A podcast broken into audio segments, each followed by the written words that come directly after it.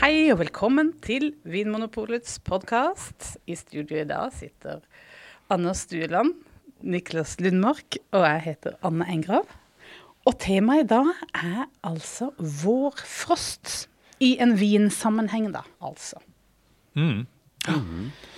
Det er jo veldig i vinden eh, om dagen, kan man si. Det har vært mye Det har vært veldig omtalt, det med, med vårfrost. Fordi det har vært store skader i egentlig mange av eh, de europeiske vindområdene.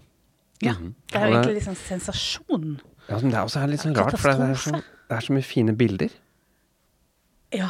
Å ja, av katastrofen. Altså katastrofen, ja. Det er så vakkert å se på de der eh, vinmarkene med alle disse lyktene, og det, det ser så fint ut. Men for de som står midt oppi det, så er det ganske dramatisk. Ja, du tenker Ja. at det ser litt mer ut som når man, Litt sånn Her er det fest, vi har tent fakler Ja. og sånn. Ja. Det ser ut som en sånn stille markering av noe. Ja. Ja, ja, Men det er jo ikke det. Det er jo blodig alvor og uh, penger som glipper ut av hender.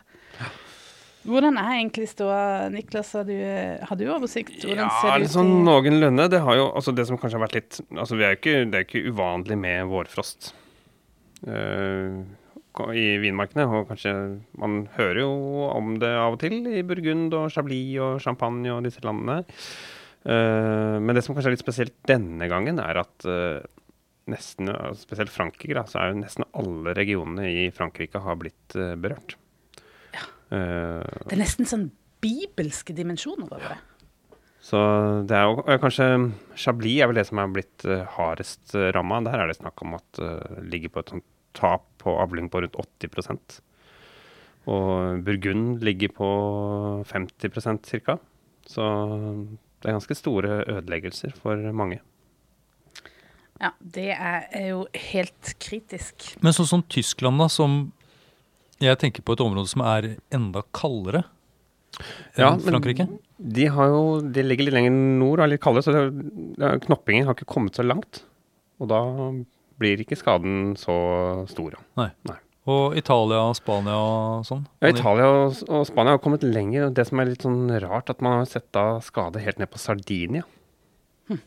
Midt Eh. i uh, Middelhavet. i Middelhavet, ja. Uh, og der uh, er det jo en Jeg så en produsent som hadde mista 70 av avlingen sin på Canonao, altså som er Grenache, som er en ganske sent knoppende drue også. Men eh, hvis de har kommet et stykke, da, så skal det ikke mange minusgradene til før det er eh, store ødeleggelser Mm. på planten. Så eh, det vi kan si nå, da, er at eh, det er en sånn rekordstort tap allerede av avling. Og, og dette er jo som du sier, noe vi har hørt om komme eh, stadig oftere opp. Mm. Og vi er, har jo, det er jo lett å tenke at det er en sånn klimaendringseffekt, det her. Ja, knoppingen kommer jo tidligere og tidligere. Så tiden hvor det her kan bli et problem, blir jo bare lenger og lenger. Ja, fordi eh, ja, jeg har fått med meg at de sammenlignet med for 100 år siden omtrent, så høster de Nei, de, så knopper plantene kanskje tre uker tidligere Mm. eh, omtrent. Men da jeg, tenker jeg bare at eh, ok, da er det bare våren som kommer tidligere. Eh, men, men hvorfor skal det bli mer problem med frost? Det skjønner jeg ikke helt. Ja, jeg tenkte bare liksom at da, blir det, da bare kommer den varme perioden før. ja, men det er jo ikke sånn at for hver dag som går, så blir det litt varmere mot sommeren. Det er jo svingninger i temperaturen, og spesielt kanskje med klimaendringene så blir de svingningene større. Så det der å gå fra veldig varmt til veldig kaldt, liksom, det er litt uforutsett. Det skjer eh, oftere, da. Mm. Sånn at eh, nå så knopper plantene tidligere, og da har man en lengre periode der det er fare for frost. Ja. Ja.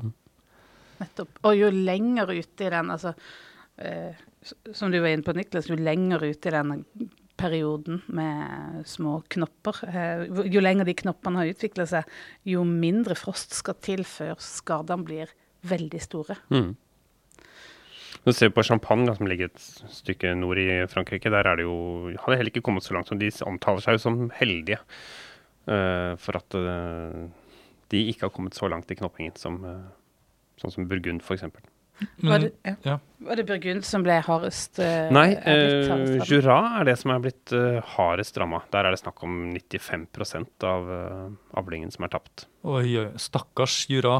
De er på en måte sånn, en sånn liten sånn side, sidevogn til Burgund, på en måte. Ja. De er allerede litt sånn i skyggen, og så skal de slite med Da sitter de med 5% da. ja, det er forferdelig. Det må være så fortvilende å se. Og det er jo før i det hele tatt arbeidet med året er begynt. Kan vi kanskje kan vi se litt eh, nærmere på det? Um, hva er det egentlig? Skal vi, skal vi bli litt kjent med drueplanten? Ja. Eh, Og så se liksom hvor, hvordan er det denne her frosten Eller la oss bare ta liksom syklusen til, til drueplanten. Er dere enige? Om vi begynner der? For, for eksempel, det er jo sånn på høsten så faller bladene, og vinplanten går i, i søvn. Faller i søvn. Som de fleste andre trær og busker, eh, løvfellende busker. Eh, og eh, hva er det da som skjer videre? For da på vinteren kan det jo være mye mer frost. Ja, ja, det er sant. I nord i Rån eksempel, så er det ikke så uvanlig at det kan bli sånn minus 15-20 grader. Og det behøver ikke bli noe sånn stort problem, egentlig. Det er jo fordi eh, mye av eh, næringen for eksempel, den trekkes jo tilbake til, til røttene. Men også en del eh, vann, faktisk. Sånn at det er, det er mindre væske i, i plantecellene. Men det er også en sånn type herdingsprosess som foregår i eh, spesielt cellemembranene, som gjør at eh, de er rett mer motstandsdyktige mot, eh, mot frost. Ja, så på, på vinteren så snakker vi jo ikke om vinterfrost, for det, eh, det er ikke et problem. Med mindre det blir fryktelig kaldt, da. Ja. Da kan det jo ta knekken på hele, hele stammen og, og ødelegge kanskje spesielt dette her stedet der, der eh, planten over bakkene er, er poda på rota. For det er jo ofte to forskjellige planter som er kobla sammen. Og dette punktet kan være utsatt da hvis det blir skikkelig kaldt. Ja, nettopp. Det er litt sånn som når jeg går med litt korte sokker på vinteren. Så kjenner jeg at jeg blir sånn ekstra kald rundt sånn ankelen. Så hodepunktet er liksom ankelen til, Ja. til, til planten. Så må pakke godt rundt ankelen da, Ja. på vinteren. Men så skjer det noe. Hva er det da som skjer for at planten skal komme i gang med sesongen? Hvordan vet planten når den skal begynne? Det har jeg lurt på mange ganger når jeg ser på litt sånn tidlige snøklokker og sånn. Men hva skjedde nå? Ja, Den vet jo at den skal gå i dvale når, eh, når, nettene, når nettene blir lange, som man sier i den kjente sangen. Eh, Men også det med temperatur. Det er sånn to sånne faktorer som styrer det å gå i dvale. Men også er det de samme tingene som vekker planten til liv igjen. Da, kan man si da, hvis, hvis uh, vi snakker om podepunktet som ankelen, kan vi da snakke om røttene som hjernen, på en måte? Ja, blant annet. Det er nesten sånn at planten har flere hjerner, men uh, mye foregår i, i røttene. Sånn at når, når røttene blir varme Og hvor varme snakker vi da? Ja, jeg vet ikke, Er det sånn fire-fem grader? At det begynner å Ja, det er vel sånn er det ti grader er lufttemperatur ja. for at det skal begynne å skje noe. Så det er- holder ikke at det er liksom frost i bakken. Da skjer det ikke så mye. Men når, de, når røttene begynner å kjenne at det begynner å bli varmt, da begynner de å produsere hormoner som fremmer da veksten i, i plantene. Så da setter ting i gang. Sevja stiger, som det heter. Ja. Mm. Og da er det jo sånn at da skal det jo ha blitt varmt nok, altså varma opp til siden av eh, ti grader, som er dette her eh, magiske tallet. Eh, og da er man jo kommet, hvis vi sammenligner med våre forhold, da, når vi er kommet sånn til ti grader lufttemperatur, da er det jo blitt ganske liksom sånn behagelig vårtemperatur. Så man skulle jo tro at man må komme litt sånn ut av faresona. Men nei, skal det vise seg. Eh, så hormonene sier ifra til planten begynn å eh, eh, vokse. Sånn da jeg har eh, skjønt og sett og lært, Ja, for du har jo egne planter. Ja. Altså vinplanter. Jeg har egne vinplanter. Det har jo ikke jeg. Men det jeg har sett der, er jo det at eh, og, og lært om også, er jo det at det, det interessante er jo det at det som begynner å spire tidlig på våren, det er en sånn liten pakke som ble pakka sommeren før, eller høsten før, året før. Så ble alt laget ferdig til, eh, til eh, vårens eh, spiring. Så det ligger i en knopp som er pakka inn i et slags skall. Og det ligger klart. Så når da forholdet ligger til rette, så sprekker denne knoppen opp. Og ut fra der, ut fra disse knoppene, hver plante er kanskje trimma ned til å ha sånn kanskje ti knopper. er relativt vanlig. Eh, og da, fra hver knopp, så vokser det opp en grein, og det er på denne greina at frukten kommer. Så det er en ganske viktig, eh, noen ganske viktige punkter da, på planten. Og det er jo derfor at eh, blir disse sentrale punktene skada, så påvirker det jo hele resten av voksesesongen. Ja, fordi vinplanten på vinteren, den er jo bare en, en naken stokk. Det er, jo, det er jo ingenting annet. Så det, alt som skal vokse, det kommer ut fra disse knoppene. Ja, og det er ganske mye som kommer ut. Mye mer enn et tre som står der klare med greiner, og det kommer blader ut. Men det, det kommer veldig mye ut av disse knoppene. Det er jo eh, et mirakel, kan man jo kanskje kalle det. Ja, ja, ja hvor- hvordan da? Nei, for det vokser altså det, kommer en ganske, det er en voldsom vekst utover det når denne her eh, knoppinga har skjedd og det begynner å, å vokse ut, så kommer det først kommer det ett blad ut. Og dette lille bladet begynner da eh, Da starter fotosyntesen, som vi har lært om. ikke sant? Da danner det eh, sukker og energi som bygger flere blader, og så kommer det flere. Og så bare en stengel som går rett opp. Altså det kan bli voldsom vekst i løpet av en sesong med masse bladverk ut fra. Den første delen av, av vekstsesongen handler jo bare om å, å lage dette blåverket. Og, og lage klar selve liksom, fabrikken for modning av druer, som skjer mot slutten. da, altså Fra kanskje blomstring en gang i eh, si juni. da. Og så, og så eh, skifter planten modus og begynner å modne druer istedenfor å Ideelt sett, da. Ja. Istedenfor å, å vokse flere. Ja, så på Blader. våren så er det, altså, så kommer, altså, da er det først bladene som kommer ut. Ja. Mm. Ja. Så det er en viktig, det er et veldig viktig og sårbart tidspunkt. ja. Så når det, denne her, eh, sånn som det var i, i eh, tidlig vår, så var det jo veldig varmt. Eh, Vi var oppe i 25 grader i midten av mars i flere steder i Frankrike. Så det fikk jo bare boosta denne her eh, veksten av denne knoppskytinga noe voldsomt. Mm. ja, for da går det fortere. Høyere temperatur, Ja. raskere utvikling. Ja. Lavere temperatur seinere. Det ser vi på alt på bakterievekst. Alt når du kjøler noe ned, så går ting seinere. Ja. Så her er liksom det at det har vært vanskelig i år, eh, er liksom, det er flere ting som har liksom ledet til det. Mm. Blant annet at det blir varmere tidligere, men at det ble ordentlig varmt også i en lengre periode. Og så skikkelig kaldt. Og så ble det skikkelig kaldt. Det er en slags felle, det der. Ja, men øh, eh, hva er det som skjer, da? Hva er det som skader hva er det på en måte, Hvordan foregår denne frostskaden? Ja, vi, eh, vi, vi må kanskje eh, definere frost. For det er jo én ting å si eh, at det blir kaldt. Men, men det er jo sier hovedsakelig to grunner til at det blir så kaldt. Og det er jo eh, En måte å si det på er jo det at, at det kommer kald luft inn over vinmarka. Det er jo en Sibirkulda kommer innover her hjemme. Jeg- Jeg kan, jeg, kan se, jeg kan veldig relatere til det ordet, sibirkulde. Jeg forstår det. Det er akkurat som noe som bare brer seg over landet.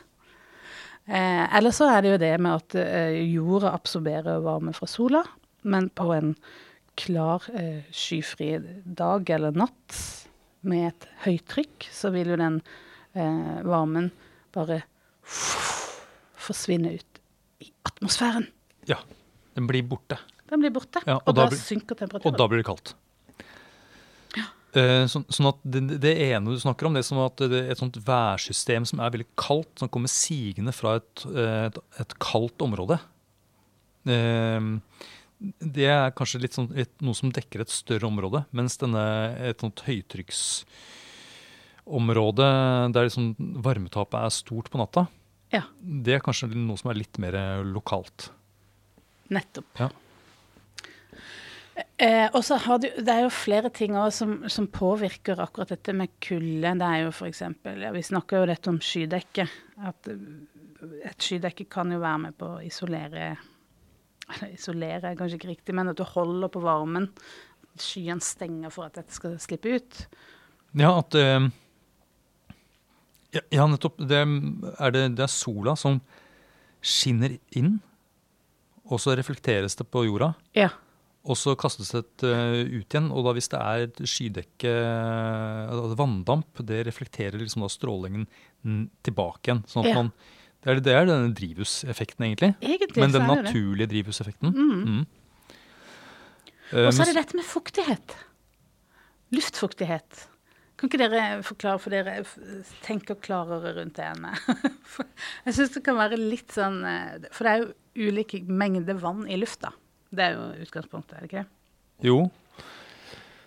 Eh, men eh, jeg vet ikke helt om det har så mye å si for plantenes del om det er liksom fuktig eller tørt. Så det sånn, hvis, det er, eh, hvis det er minusgrader, så er det jo minusgrader.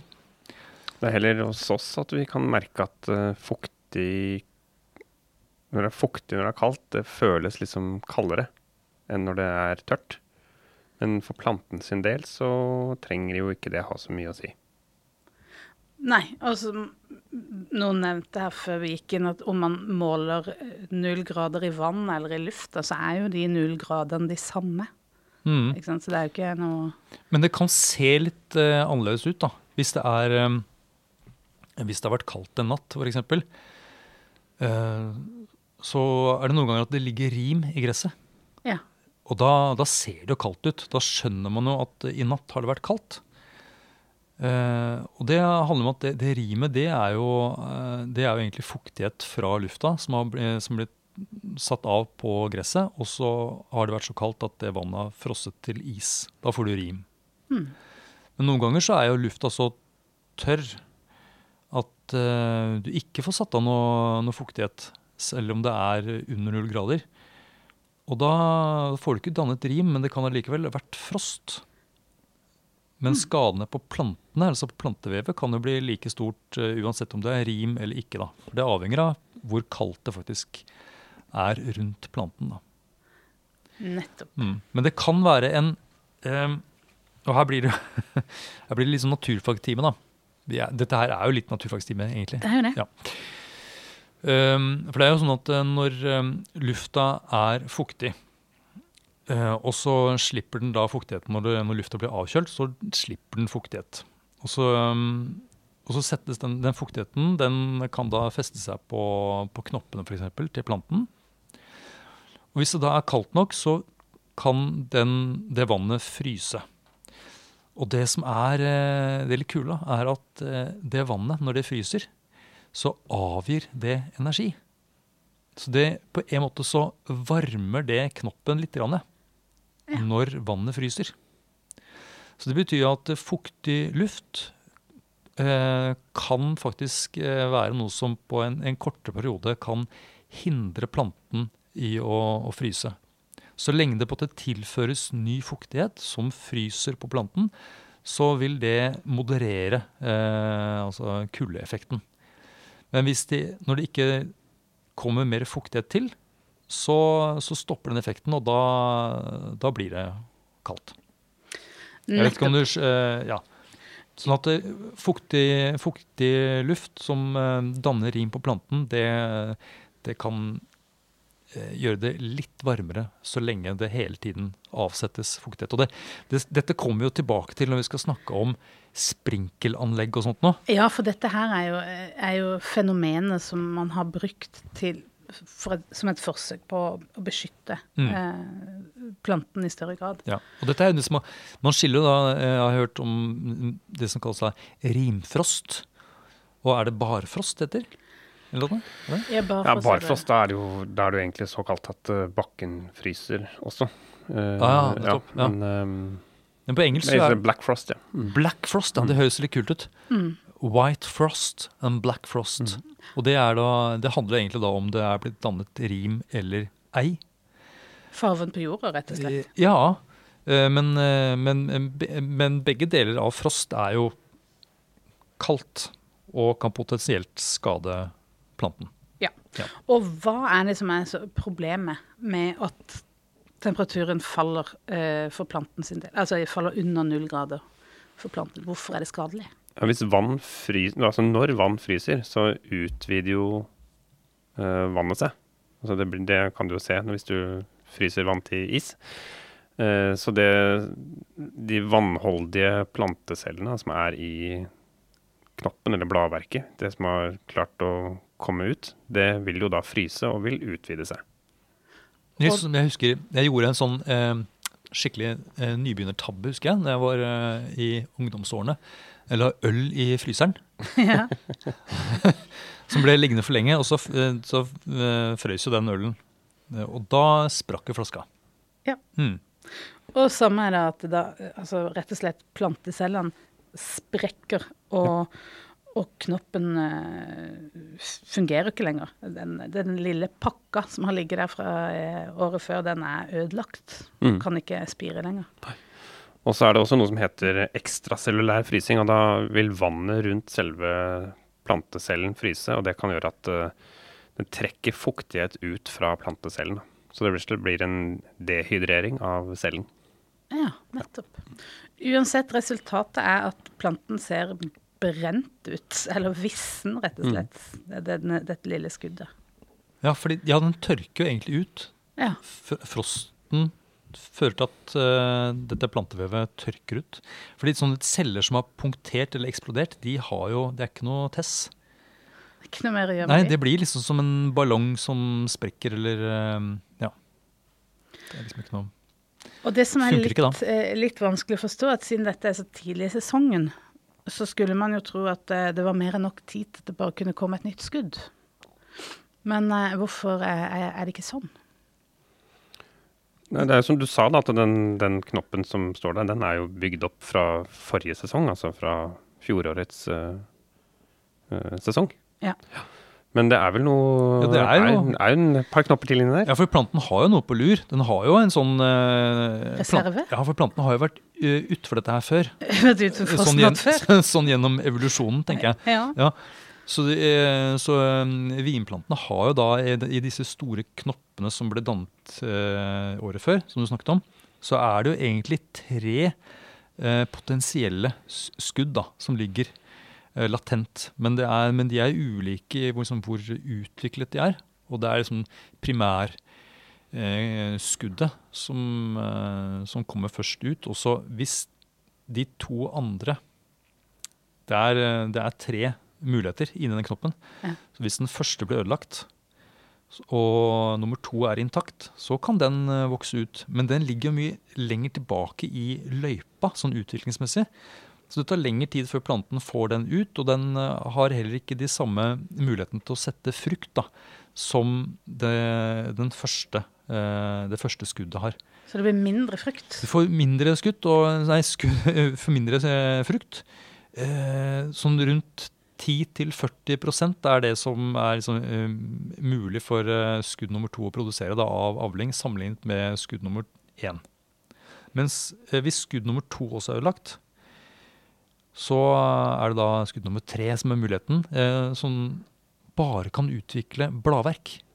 Da, så selv om planten overlever ved at den får produsert bladverk og får energi, eh, så klarer den ikke å produsere frukt.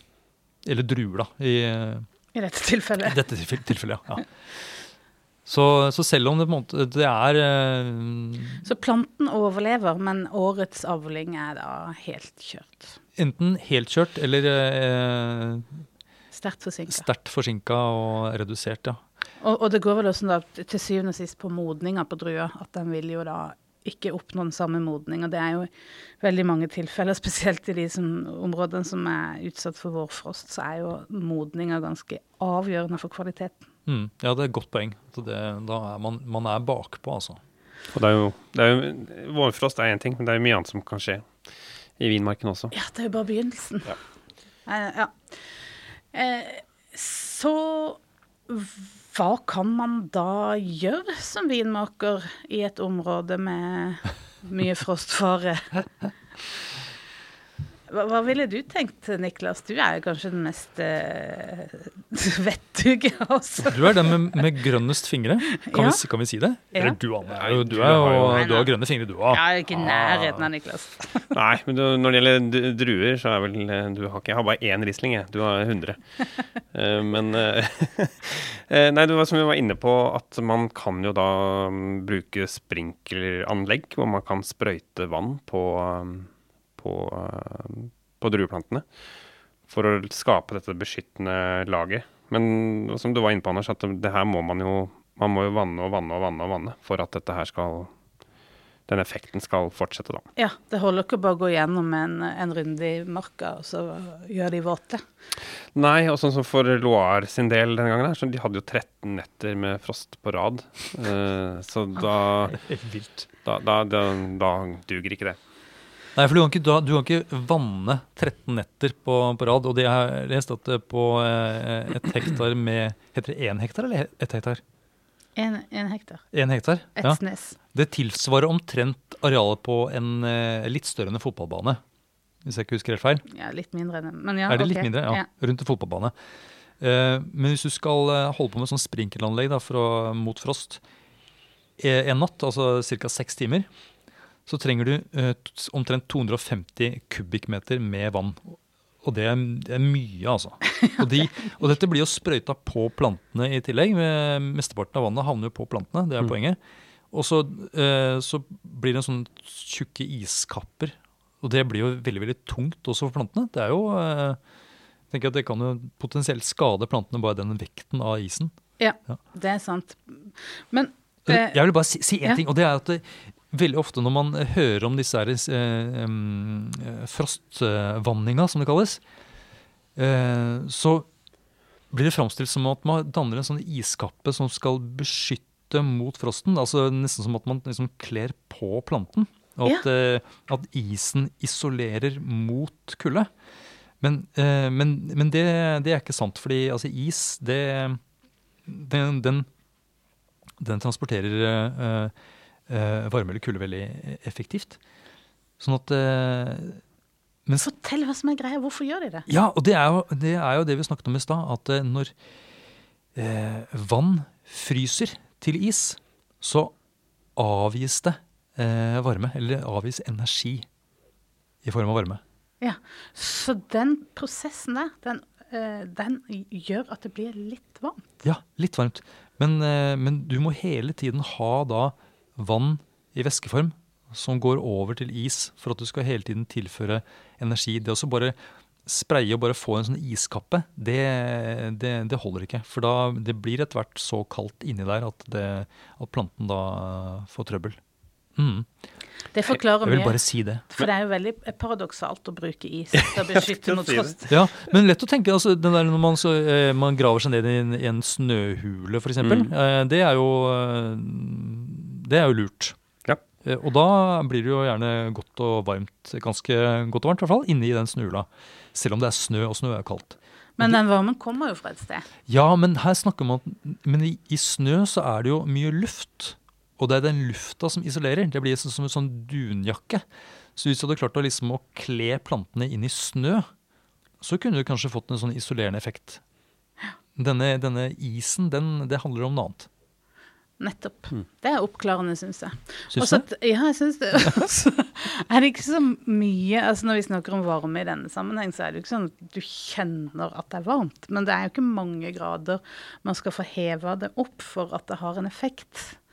Eh, jeg har sett en sånn fin eh, eh, oversikt over hvor, eh, hvor stor skade de ulike liksom, stadiene eh, altså hvor, hvor sårbare de ulike stadiene, stadiene i en knopp er for frost. Da. Og, og det begynner jo, som du sier, når den er eh, altså, liksom bare begynt å hovne litt opp. Denne lille klumpen begynner først å hovne litt opp. Eh, og da tåler den ganske mye kulde fremdeles. Ja, hvor kaldt da? Altså, hvis det går ned til eh, minus ti, så har du allikevel bare tatt knekken på 10 av, av knoppene. Er du helt ned på minus 19, så har du tatt 90% Så du, det må liksom såkalt. Men så, jo mer da væske som denne lille klumpen fylles med, f.eks. hvis den har det akkurat brutt ut, at den liksom åpner dette skallet, så er det liksom nede på eh, minus 8. Da har du tatt knekken på 90 eh. Eh, og hvis du da har kommet så langt at du har fått et blad ut, så skal du ikke eh, mer enn til da minus seks. Og når du har kommet liksom fire små blader ut, da er du minus to. Da har du mista 90% av alle knoppene dine. Så den blir på en måte skjørere og skjørere etter hvert som den på en måte vokser ut. Dette er, eh, ja, det blir sånn tynnere og tynnere og mer og mer fylt med vann, som kan da uh, fryse til, uh, tis. Ja. Ja. Og bare litt grann heving da, eh, opp noen grader kan da redde eh, knopper. Og det var jo i hvert fall i Chablis og også i Toskana faktisk, så var det rundt eh, 9-10 minus Ja, ikke sant. for en uke siden. Så det, mm. Det er jo altså helt eh, Det er unormalt, Ja, spør og du meg. Altså. og da, da funker det ikke med sånn eh, vanning heller. Tenker jeg når det er så kaldt. Nei, da, skal du, da er det ikke så mye du får gjort, rett og slett. hvilke, hvilke andre metoder da enn uh, sprinkleranlegg er det vi kan bruke? Nei, Det som har vært bilda på, i aviser og nettsider nå, det, altså det som ser ut som, som fakkel, uh, fakkelfest Ja. Det er jo fakler Ja, er eh, noen steder. Eh, De setter ut uh, sånne parafinvoksbrennere. Og så er det noen litt sånn større oljefylte ovner og slikt også, som de plasserer rundt i, i vinmarken. Har du sånne i din vinmark, Anne? Nei, jeg er bare glad at eh, det er jo ikke knopper ennå hos eh, Nei. det, det er jo fordelen med å være i så ekstremt klima. Det knopper jo aldri. Blir ikke moden, teller. ikke moden heller. Nei, det, det gjør det ikke. Men Men da, når jeg, når jeg så bildet av disse uh, ovnene og faklene første gang, så tenkte jeg at, det, at, det var, at hovedpoenget var det å varme opp plantene. Liksom som man står med et, ved et bål og varmer seg, liksom. Sånn skulle det også være for plantene. De skulle varme seg på faklene. Men så har jeg skjønt at det, eh, det skjer jo til en viss grad, men hovedpoenget med disse, disse ovnene og faklene er jo egentlig også å skape en luftsirkulasjon. ja. Eh, fordi vanligvis så er jo den kaldeste lufta eh, nederst, altså eh, lengst ned mot bakken, fordi kald luft er tettere og derfor tyngre. Så Derfor så synker den ned. Så det betyr at litt lenger opp så er det varmere luft, i teorien, da. Så ved også å fyre opp disse mm, faklene, så får man et litt sånn drag i lufta, som gjør at, altså, fordi da varmes lufta rundt eh, faklene opp, og så stiger den lufta, og da får du et undertrykk som da drar med seg eh, luft fra, fra utsiden. Og dette er jo spesielt, eller eh, kanskje kun Vi snakker om de ulike formene for frost. Så dette her er jo for eh, den type frost som kommer at, at jorda eh, mister all varmen Altså den sender ut varmen ut i atmosfæren. Det er ikke disse som kommer inn sånne kalde luftmasser med kald luft, så har jo dette mye mindre effekt, da. Ja, for det er sant, for da er jo ikke fordi eh, Hvis man skal sirkulere lufta i Vimorken, så må det være et poeng at det faktisk er varmere luft lenger opp. Nettopp. Hvis ikke det er det, eh, hvis det er like kald luft, eller kanskje til og med det kan være lag med enda kaldere luft eh, lenger opp, så, er det jo, så har det jo ikke noe hensikt, nesten. Nei. Da vil du bare få den eh, lokale oppvarmingen av vinplantene. Men så er det jo en tredje effekt faktisk av eh, disse, disse faklene og ovnene. Og det er at de, eh, de soter jo en del, faktisk. Eh, og den, den soten, den, den, den fungerer da som en sånn type drivhusgass.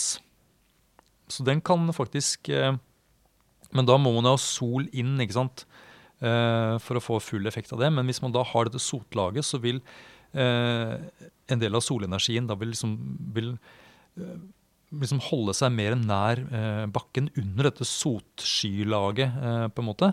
Men det kan også beholde, gjøre at du får eh, mindre utskifting mellom de høyere, litt kalde luftlagene kanskje, og det luftlaget som er nærmere bakken, ved også å skape en sånn s- so- Smog. Smo, ja, en sånn smoghinne, ja, nettopp. Mm. Varmetaper du mindre, rett og slett. Ja. For det er jo veldig lite energieffektivt å drive og, og fyre opp en hel haug med bål. den varmen du skaper der, den for, blir jo fordelt på veldig stor, stor mengde luft, da. Mm.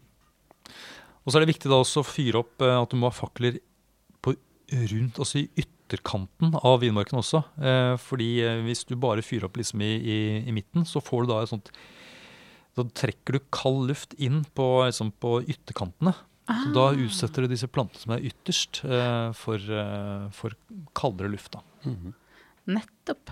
Og det er jo noen som bare satser på denne smoggen og brenner eh, høyballer. Ja, Bare for å liksom holde jordas eh, naturlige varme nede, da. ja, og da får du faktisk utvikling av vanndamp også. Ja. Jeg prata med en sånn fruktforsker i Telemark som sa at det skjer til tid til annen i Telemark også, at de tenner på fuktig halm for å både få røyken, men også damp, da, som da er en sånn drivhusgass, rett og slett. Nettopp for å holde på jordas egen varme. Mm. Mm. Det er nesten mer som sånn dunjakkeprinsipp, Ja. faktisk. For, det- for det er jo noe vi opplever her også hjemme i Norge, dette med, med vårfrost på, eh, på frukttrær. Ja, Ja, med, er det i fjor at det var litt lite moreller i butikken pga. vårfrost året før? Og, Ja, plommer. var Plommer var det ja, litt, da. Telemark Mm. mista jo masse. Um, ja. Og sånn Og- er det jo i dag nå også. Det her, denne våren her har jo vært knallhard for fruktbønder i hele Europa. ja, Det er ikke bare druer. 100 av kiwiproduksjonen i Piemonte er jo eh, er borte. Den har jeg ikke tenkt så mye på. Piemontesisk eh, kiwi, det har jeg, tror jeg aldri har spist, så vidt jeg vet. i. Så vidt du vet. Nei, men jeg har spist aprikos fra Piemonte. De er veldig gode. Mm. Og det har også vært eh, aprikos og kirsebær og sånn. Så Piemonte har jo Det er ikke så ille på vinproduksjon. Det er litt sånn mm, plottvis eh, her og der at eh, det har vært litt uh, problemer. Men uh, Barolo og Barbaresco har klart seg fint. Og, mens fruktproduksjonen i Piemonte den her, uh, har eh, lidd. Mm. Mm. Jeg jeg bare tar det aller siste um, tiltaket da, som um, jeg har hørt om i forbindelse med dette her, for å beskytte når frosten faktisk kommer, og du står der med dine små skudd. Eh, Der har det vært gjort en del eh, forsøk nå, og testing på rett og slett sånn eh, antifrostspray. At du sprayer planten med en kjemikalie som har et lavere frysepunkt. Som gjør at du kan unngå denne her skjebnesvangre frosten. Mm. Men det har ikke vært så Foreløpig så har det ikke vært sånn veldig gode resultater ennå. Og de har ennå ikke kommet til funnet en løsning som er uh, beskytta mot lavere enn minus fire. Men jeg frykter jo egentlig, kanskje, på en måte, at, eh, at det er det som kommer til å bli løsninga på dette. Ja, det høres ikke så ålreit ut, spør du meg. Men eh, ja. Så hvis tapet blir så stort mange år på rad, så kommer det bare til å pumpes penger inn i den forskninga der. Men vi har ikke snakket om vifter, da. Nei da, det er, for det fins andre, muligheter. ja, vi har ikke muligheter snakka om viftene. Nei, vi må snakke om viftene. Ja. ja, og det er jo den der eh, sandwich-effekten av disse her luftlager som du har nevnt, Anders, med at det, det ligger lagvis. Noen, noen lag er varmere, og noen er kaldere. Mm. Og så ved å vifte eh, eh, lufta rundt, en vindmaskin eller en, rett og slett bare en vifte, så vil du blande de laga mer og få da en litt høyere temperatur. Ja, Da får du liksom eh, viftet opp eh, denne kalde lufta fra, som, som ligger nederst, og så blandet med det litt varmere ligger Mm. opp. Det handler også om det å få bevegelse i luften, og sånt, ikke det blir så stillestående. Ja. Eller Også- bruke helikopter, helikopter. Sånne Ja. kjempestore flyvende vifter. Jeg har hørt at du kan faktisk eh, gi sånn mellom én og tre grader temperaturforskjell og bruke den metoden der. Så Mm. det er ganske overraskende egentlig at Ja. det er så store forskjeller. Ja, Men da må du ha målt temperaturen i de ulike lagene. Ja, og jeg tror at du får liksom, hvis det er eh, Jeg tror du kan få halvparten av differansen mellom det varme laget og det kalde laget. Ja, nettopp. Så tre grader opp, da må du ha seks graders forskjell da, mellom, eh, mellom det laget du visper inn. og det- Men du det kan jo risikere å vispe inn et, et kaldt luftlag òg. At du kan gjøre det verre. Ja, Ja, faktisk. faktisk. Og det husker jeg i, eh, i naturfagstimen i det var kanskje videregående. Eh, Da snakket vi om det som heter inversjon. Eh, Som er sett at du kan oppleve at det kan være kald luft nede ved bakken og noen meter oppover, og så kan det plutselig være et lag med varm luft. Og så kommer det da et lag med kald luft oppå der igjen. Så dette varme laget er liksom stengt mellom to kalde lag. Og et sånt eh, inversjonslag, da, det er eh, relativt vanlig faktisk i eh, sånn innlandsklima. Mer uvanlig langs kysten. Og det er noe som hindrer egentlig sirkulasjon. Men som også er liksom verdt å tenke på for de som da f.eks. driver med helikopter. Da, at ikke de flyr opp, hvis det er invasjon, at ikke de flyr opp i det aller kaldeste laget og visper det ned, men at de faktisk tar av det varme laget istedenfor. Ja. Mm. Mye å tenke på, Ja, det er det. altså. Det, er faktisk, altså det med innovasjon, det har jeg merket selv også når jeg eh, som liksom på, på vinteren sy- sykla oppover fra Sognsvann og opp mot Ullevålseter. Og der er det av og til så ligger det, kan det være et sånt, eh, sånt parti på 10 meter, 20 meter stigning som er betydelig varmere, og så blir det kaldt igjen. Jeg merker det når jeg har vært ute og svømt. At du kommer inn i sånne kalde lommer og varme lommer. I svømmehallen. Nei, Da ville jeg unngått de varme lommene. Inversjon. Jeg satser på invasjon. det er noe annet. Som ikke vi skal snakke om. Det er en annen episode. Ja, men er, det er jo ikke noe sånn mer sånn, altså, altså du, kan ikke, du slenger ikke opp en sånn vifte eh, dagen før eh, en frostnatt. Nei. Og det er dyrt. Du må, du må, være, du må ha store problemer med vårfrost for at den investeringa skal lønne seg. Ja. Og gjerne litt flate vindmarker. Ja. Det er ikke noe poeng i liksom sånn eh, Du setter ikke opp en sånn vifte i, i Mosel. Nei. Og det er jo litt sånn diskusjoner og kanskje litt forskning også på hvilke vinkler disse her eh, viftene skal stå i for å gi best effekt. Og det avhenger jo selvfølgelig av disse luftlagene òg, da. Ja, og at man kanskje vet gradantallet. Mm. Ja. Mm. Nei, det er, det, det er mye. Og så tror jeg det er veldig mange som setter seg inn og krysser fingrene og eh, prøver å koble seg til høyere makter for å unngå vårfrost. Ja, og jeg tenker sånn som det har vært i år, når det har blitt så kaldt, og gjerne over en så lang periode, så da har man ingenting å stille opp med, egentlig. Egentlig ikke. Nei. Det må være veldig frustrerende å oppleve. Ja. Jeg lever med det, for Ja. men det, men ehm, eh, det er noe de kan gjøre da eh, helt i forkant, hvis du skal tenke lengre, eh, på lengre sikt og, og si at OK, jeg vil prøve å unngå å sette meg i denne situasjonen. ja, det er lurt. Det, det, Og bortsett fra, det er noe jeg burde tenke, tenke oftere selv. og bortsett fra å tenke at vi, vi dropper å, å dyrke vin i dette området, så, så er det jo noe man kan tenke på, da.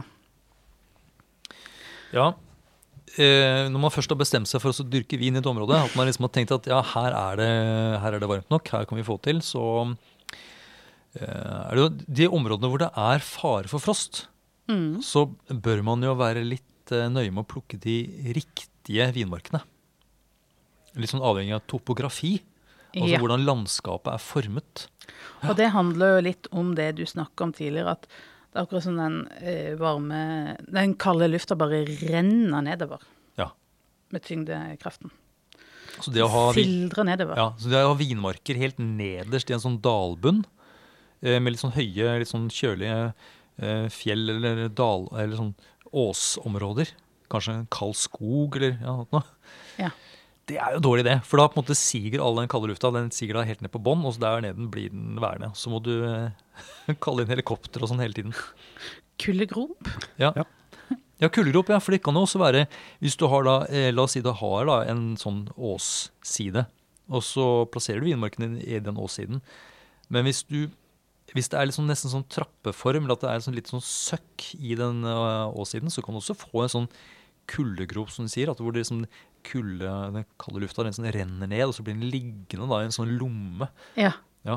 Det, til og med trær har jeg sett kan, eh, kan være sånn som holder på, som hindrer eh, kulda i å renne videre nedover. At du kan bli fanga opp eh, på oversida av trærne. Ja, nettopp.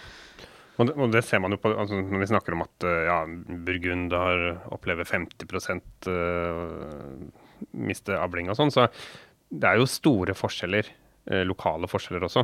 Noen produsenter har kanskje mistet alt, og noen har ikke noen ting som er skadet. Så det er jo det, er ikke sånn at det, er sånn generelt eh, halvparten, men det er, det er store forskjeller innad i, i regionene. Altså. Mm. Og hvordan det er beligget med det. Og mye lokale forskjeller. Ja. Ja, så du har funnet deg da en, eh, en riktig plassert eh, vinmark. Hva, hva skal vi da Gjerne tenke på? Gjerne god soleksponering, tenker jeg. Ja, ja, greit. nydelig Mhm. soleksponering. Ja. Det er der, der er snøen smelter fortest. Ja. Så klart, Men eh, ja, det kan jo kanskje være at altså, klart, Har du god soleksponering, eh, så vil jo du få planter som knopper tidligere. da. Det Som kan jo da- være litt skummelt, ja. Som får det varmt nok rundt røttene, sånn at de setter i gang prosessen. Og hvis det blir for tidlig, eh, så, så løper du en risiko på den måten også, faktisk. Eh, og da, da, Det får meg til å tenke på det med jordsmonn. Eh, for noen jordsmonn er jo eh, det man kan kalle varmere, på en måte. Ikke det at de produserer varme selv, men mer at eh, mørkt jordsmonn for Alle vet jo da at hvis du sitter i en varm, altså en, en svart bil, så blir den raskere varm enn en, en, en hvit bil, f.eks. Sånn er det som varm Altså mørk jord blir gjerne varmere. Eh, steiner for eksempel, blir jo lettere oppvarmet enn en, enn- enn gress. sånn at hvis du har eh, vegetasjon da, som dekker eh, dette området mellom plantene, så, så blir ikke jorda like varm når sola står på. Eh, og det kan ha to effekter. Det kan ha enten den effekten at det ikke blir så tidlig varmt i jorda, sånn at planten begynner å knoppe. Men eh, det kan også bety at ikke du får en varmemagasinering i jorda som eh, kan avgi varme på natta når det er fare for frost. Ikke sant. Så hovedregelen er det at eh, for å hindre eller for å liksom motvirke litt frost, så kan det være en fordel å ha et eh, relativt åpent jordsmonn, eventuelt veldig kortklipt gress, eh, som da kan eh, ta til seg en del varme, og som kan avgi varmen i løpet av natta. Ja, for hvis gresset er langt, så blir det litt sånn som vi snakker om disse trærne i den skråninga, at, at den der kalde lufta samler seg inn mellom eh, de lange strå. Mm. Det er veldig sånn eh, grafisk å tenke på, egentlig. Ja, Og så får ikke jorda under Den får ikke anledning til å sånn, ta til seg varmen heller. Nei. Og så er det sånn at Vann også, det magasinerer jo varme på en, på en, på en god måte. eh, Sånn at hvis det er en del fuktighet i jorda, det kan også være en fordel, faktisk. Så du kan faktisk vanne jorda hvis du vet at det kommer en frostperiode, Ja. og, og satse på at det kan kanskje holde på Ja. Klippe gresset, og vanne, vanne jorda. Det kan være en fordel. Og jeg tenker også de der, disse, disse faklene og ovnene som vi prata om. De er også sånn som eh, Pga. den drivhuseffekten så kan det faktisk være eh, hvis, hvis du har sett på værmeldinga at eh, nå, blir det, nå blir det høytrykk, det blir klarvær. Ja. Så det er fare for at det blir, eh, det blir kaldere. Da kan det kanskje være lurt å fyre opp disse faklene før, sånn at du får denne eh, Disen. disen som holder varmen inne. Vi får sjekke Yr. Ja, de får gjøre det. Sende dem en link. Eh, og så er det dette med beplantninga, at, at du anlegger vinmarker på en måte. F.eks. hvis du har rader. Hvis du har en skråning, og eh, den tillater at du kan plante radene nedover fra topp mot bunn, så, eh, så gjør det det kanskje litt lettere for denne kalde lufta å synke mot bunnen og ikke stoppe opp på vei nedover. Da. Så litt sånne ting kan man gjøre. Eh, og så og når det gjelder hva med selve planten, kan den formes på noen bestemt måte, eller Hvis du har den Hvis du, den vokser oppover, og så kan det Så ikke det er så langt ned mot jorda, så kan jo det gjøre at ikke det blir liggende i en sånn uh, kald luftlomme. Ja, litt sånn høyere stamme, liksom? Høyere stamme, ja. Ja. Men samtidig så vet jeg også at det er Når det først blir frukt, så er det jo noen steder man ønsker at frukten skal være langt nede, for at den skal få den refleksjonen fra, fra bakken, da. Ja, fra en sommervarm jord. Ja, så Ja. det er jo litt sånn derre um, Man må på en måte bestemme seg. Skal man, uh, Ja. skal man ha det ene eller andre? Ja, for I Chablis, for eksempel, der, eh, som, som er et kjølig område og som er frostutsatt, der har de jo tradisjonelt hatt en ganske sånn lav oppbinding på plantene. Eh, og det er jo for oss å få denne eh, varme fra jorda under eh, modningsperioden, eh, stort sett. Men det er klart, hadde de hatt høyere planter, så, så hadde, de kanskje litt, hadde kanskje knoppene vært litt mindre utsatt for frost. I teorien, i hvert fall. Ikke sant? Ja. Og nå har jo Chablis blitt et område som har blitt såpass varmt at de høster jo nå mye tidligere enn de gjorde før. Så de har jo sannsynligvis noe å gå på når det gjelder det med modning. Så kanskje det er noe de kan gå over til? Vet ikke. Ja, og man kan også eh, gjøre denne vinterbeskjæringa seinere, sånn at den eh, en måte- Knoppinga starter senere også. Ja, Mm. og at det er et poeng i, der det tidligere var et poeng å kanskje få forlenga vekstsesongen så mye som mulig, så er det kanskje ikke like viktig nå. Mm. Det er klart Når det kommer til plantene, så er det jo og Chablis, da, for eksempel, så er, var det kanskje ikke så smart å velge chardonnay. Sett i etterkant. Hvis man kan være- så frekk. Nei, nei men det blir litt, det blir litt fjoste, for det, det funker jo bra med chardonnay der.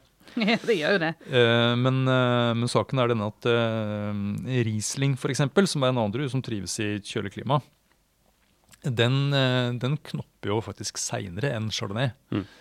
Eh, så hadde de hatt eh, Riesling i Chablis, så kan det hende at det ikke hadde blitt så store problemer. Syns jeg egentlig de burde ha testa ut. Kunne Ja. Det er jo forbudt. Vi ser jo det at det er jo Det er jo chardonnay som har kanskje måttet lide nå, i hvert fall i Frankrike. Ja. Så i champagne så er det jo chardonnay som er, har Mm. fått mest skade. Det er klart, Hvis du, skal, hvis du står litt friere til å velge druesort, da, som du ofte gjør i den nye verden og Det er jo sånn at det er jo ikke bare Europa som potensielt er utsatt for, for frost. Eh, sånn som på New Zealand, for eksempel, som da liksom blir på andre siden av eh, jorda. Den, eh, de eh, kan også oppleve frost. Og de er jo ikke bundet til eh, druesorter på samme måte som, eh, som liksom klassiske vinområder i, i Europa. Mm. Eh, og da er det sånn at eh, Chardonnay og, og Pinot Noir, for, eksempel, da, for å nevne noen sånne populære uh, druetyper, men også Gewürztraminer faktisk, har en tendens til å knoppe veldig tidlig. Og så kommer liksom Riesling og Sauvignon Blanc, Cabernet Sauvignon, de knopper litt seinere. Mm. Så det er jo klart, uh, hvis du skal anlegge en ny vinmark etter at du har valgt det riktige stedet, med riktig jordsmonn, så bør man jo tenke på riktig druetype, da. Ja, Mhm. og hvis vårfrost er et enormt stort problem, så tror jeg jo det ville- burde vært ganske høyt oppe på Ja. Men for, å, ja, men for å fortsette med dette Chablis-eksempelet, hvor de har chardonnay, så, så, så fins det jo forskjellige rotstokker. Det er jo, altså, Planten er jo det er druesorten, kultivaren, som da er liksom podet på rotstokken. Så fins det forskjellige rotstokker som har litt ulike egenskaper. Og det De har en, en sånn viss oversikt over eh, at noen rotstokker kan eh, forsinke eller framskynde knopping på, på chardonnay. Så Det er også en, en måte selvfølgelig også å, justere seg litt inn i chablis, men også bruke rotstokker som gjør at knoppingen setter i gang seinere. Ja, for det var jo det vi var innom helt i begynnelsen, at det er jo eh, hormoner i, i, i rot da, Mm. som gir beskjed om når, når det skal knoppes. Ja. Ja, fruktforskeren i Telemark han sa at det var veldig veldig, veldig komplisert, dette her. Ja. Eh, At eh, det er Jeg ikke, tviler ikke på det, ja, altså. det er ikke alltid at man liksom Hvis du har en rotstokk som normalt sett får gang knopping tidlig, så er det ikke sikkert at det funker med den kultivaren og sånt. og det må liksom Ting må passe veldig i hop, da. Hva med kloner, da? Det fins jo masse ulike kloner av chardonnay, f.eks. Ja, eh, der ja. Tipper det er høyt oppe på lista over mulige variabler. Helt, helt sikkert. Jeg har ikke funnet noe på det, men eh, det er helt sikkert en, eh, en mulighet, ja. Det er jo det er mye lettere å skifte eh, kultivaren, eller også klonen, enn å skifte rotstokken. Eh, det tar lang tid for eh, en plante å altså, etablere seg ordentlig under jorda. Ja. Og det går jo raskt å pode om. Da, det vet jeg gjort også i, i USA, f.eks., når liksom, vinmoten svinger, når det går fra Cabernet Sauvignon til Pinot Noir f.eks., så var det egentlig bare å pode om. Det er liksom Lego. Det er de, Klikk, klikk. Ja, det er de samme rotstokkene, men at uh, man da har liksom podet om med en ny druetype. Det har jeg lyst til å være med på en gang, og se hvordan de gjør det. Mm. Men det er klart, skal du plante nytt i Chablis f.eks., så, så er det jo lurt å tenke på en rotstokk som kanskje gjør at det knopper senere. Men eh, Niklas, du har jo litt oversikt over været. Eh, nå, er vi, nå, er det, nå er vi i slutten av sist, faktisk 30. april i dag. Når, eh, hvordan er været der nå, da? I eh, Frankrike, Burgund? Men nå, nå, akkurat nå melder de om at det kan komme en uh, varmebølge innover uh, fra Sør-Europa. Nye problemer Så- som banker på døra. ja. Når det akkurat har vært eh, kjølig, så kan det bli varmt igjen. Mm. Jeg har hørt I Tyskland der er det jo fremdeles tre uker igjen med neglebiting før de kan føle seg trygge på å komme ut av risiko for frost. Så, ja, så da, nå, det de gjør nå, eh, for nå Frostskadene er et faktum eh, i mange av disse vinmarkene. Så nå, sånn som jeg skjønte det så er det ikke noe lurt å begynne også å kutte bort skada eh, knopper eller eh, plantevev, egentlig. Man, eller deler av planten. Man skal vente, har jeg skjønt. Man skal vente gjerne sånn to-tre uker minst for å se liksom hva er det som klarer seg, og, og også ikke minst gi eh, nummer to eller nummer tre eh, i knoppen eh, en, en mulighet til å komme ut. da. Yes. Mm. Det kan jo være. Vi, er, vi har ikke full oversikt over situasjonen ennå. Nei, og det er sånn det er prognoser man snakker om når man sier at dette her, ok, vi har mista 50 og sånn. Man, man, det er litt tidlig ennå, altså. Vi vet jo egentlig ikke helt uh, Vi vet jo ikke det før, eh, før druene er plukka Nei. i høst, egentlig, hvor, eh, hvor voldsomt dette tapet var. Mm. Og så, når, man da, når liksom ting er i gang, det har kommet da en blader på plantene og sånt, og så, så tror jeg det er lurt å liksom kvitte seg med det som er dødt. Fordi da, hvis har man, liksom, har man sånn døde kvister og blader og sånt noe på, på plantene, så kan det skape sånn råteproblemer da senere. Det, det gjelder vel egentlig alle planter, gjør det ikke det, Niklas? Hvis det er en sånn død kvister og greier, skal plukkes vekk. Jo, det skal det. Men det er mye jobb, da. Altså det, det, i, til, I tillegg til at de mister store deler av avlingen, så, så fører det med seg mye jobb også. Ja, jeg tenker Hvis du har noen knopper som er, eh, som er ødelagt, men noen som er, eh, har klart seg, og så får du da eh, liksom den knopp nummer to, og du har primærknoppen på samme plante, så blir det jo fryktelig Du får jo liksom ulik eh, eh, vekst i, på samme plante, så det blir veldig mye jobb for, eh, Ja, for produsenten. Ja, Ja, og, de som, eh, og de som høster med maskin, da, som tar hele vinmarka i Mm. ett smekk, de kan jo da risikere veldig ulik modning. det er sant. Det, er, og det blir jo helt håpløst. Det blir helt håpløst. Mens de som er eh, sånn topp toppviner, holdt jeg på å si, høykvalitetsviner, de går jo gjerne og, og plukker ut akkurat de som er riktig modne for hånd. Mm. Men det er jo ikke alle som har mulighet til det. Men da, altså, avlingen går da ned drastisk i år. Og da er det jo eh, det som i hvert fall står i mange vinbøker, er at eh, lavere avling det gir eh, bedre kvalitet. Eh, altså med høyere konsentrasjon, mer smak i vinen, på en måte. Og, og prinsippet der er vel at samme energi som brukes til å, til å modne ti druer, skal nå modne tre druer. Derfor blir det mer til de siste som henger igjen. Ja, og da er det jo lett å tenke at man får liksom, eh, liksom tre ganger så konsentrert vin, men, eh, men det er ikke sånn vinplanten funker. Den, måte, den har jo ganske sånn god kontroll på å, eh, å liksom distribuere eh, ting inn til druene. Og det er ikke sånn at den bare pumper inn liksom, alt det den har i de få druene. Eh, men, men det blir jo mindre avling, og mange vinlover har jo en som maksavling, f.eks., for eksempel, fordi de mener at det er knyttet til, til kvalitet. Da. Men er det sånn at man kan få en, da, en mulig kvalitetsheving? Ja, altså, noen mener at i hvert fall på rødvin så kan det bety en kvalitetsheving. Men det blir mindre av det. Ja. Ja.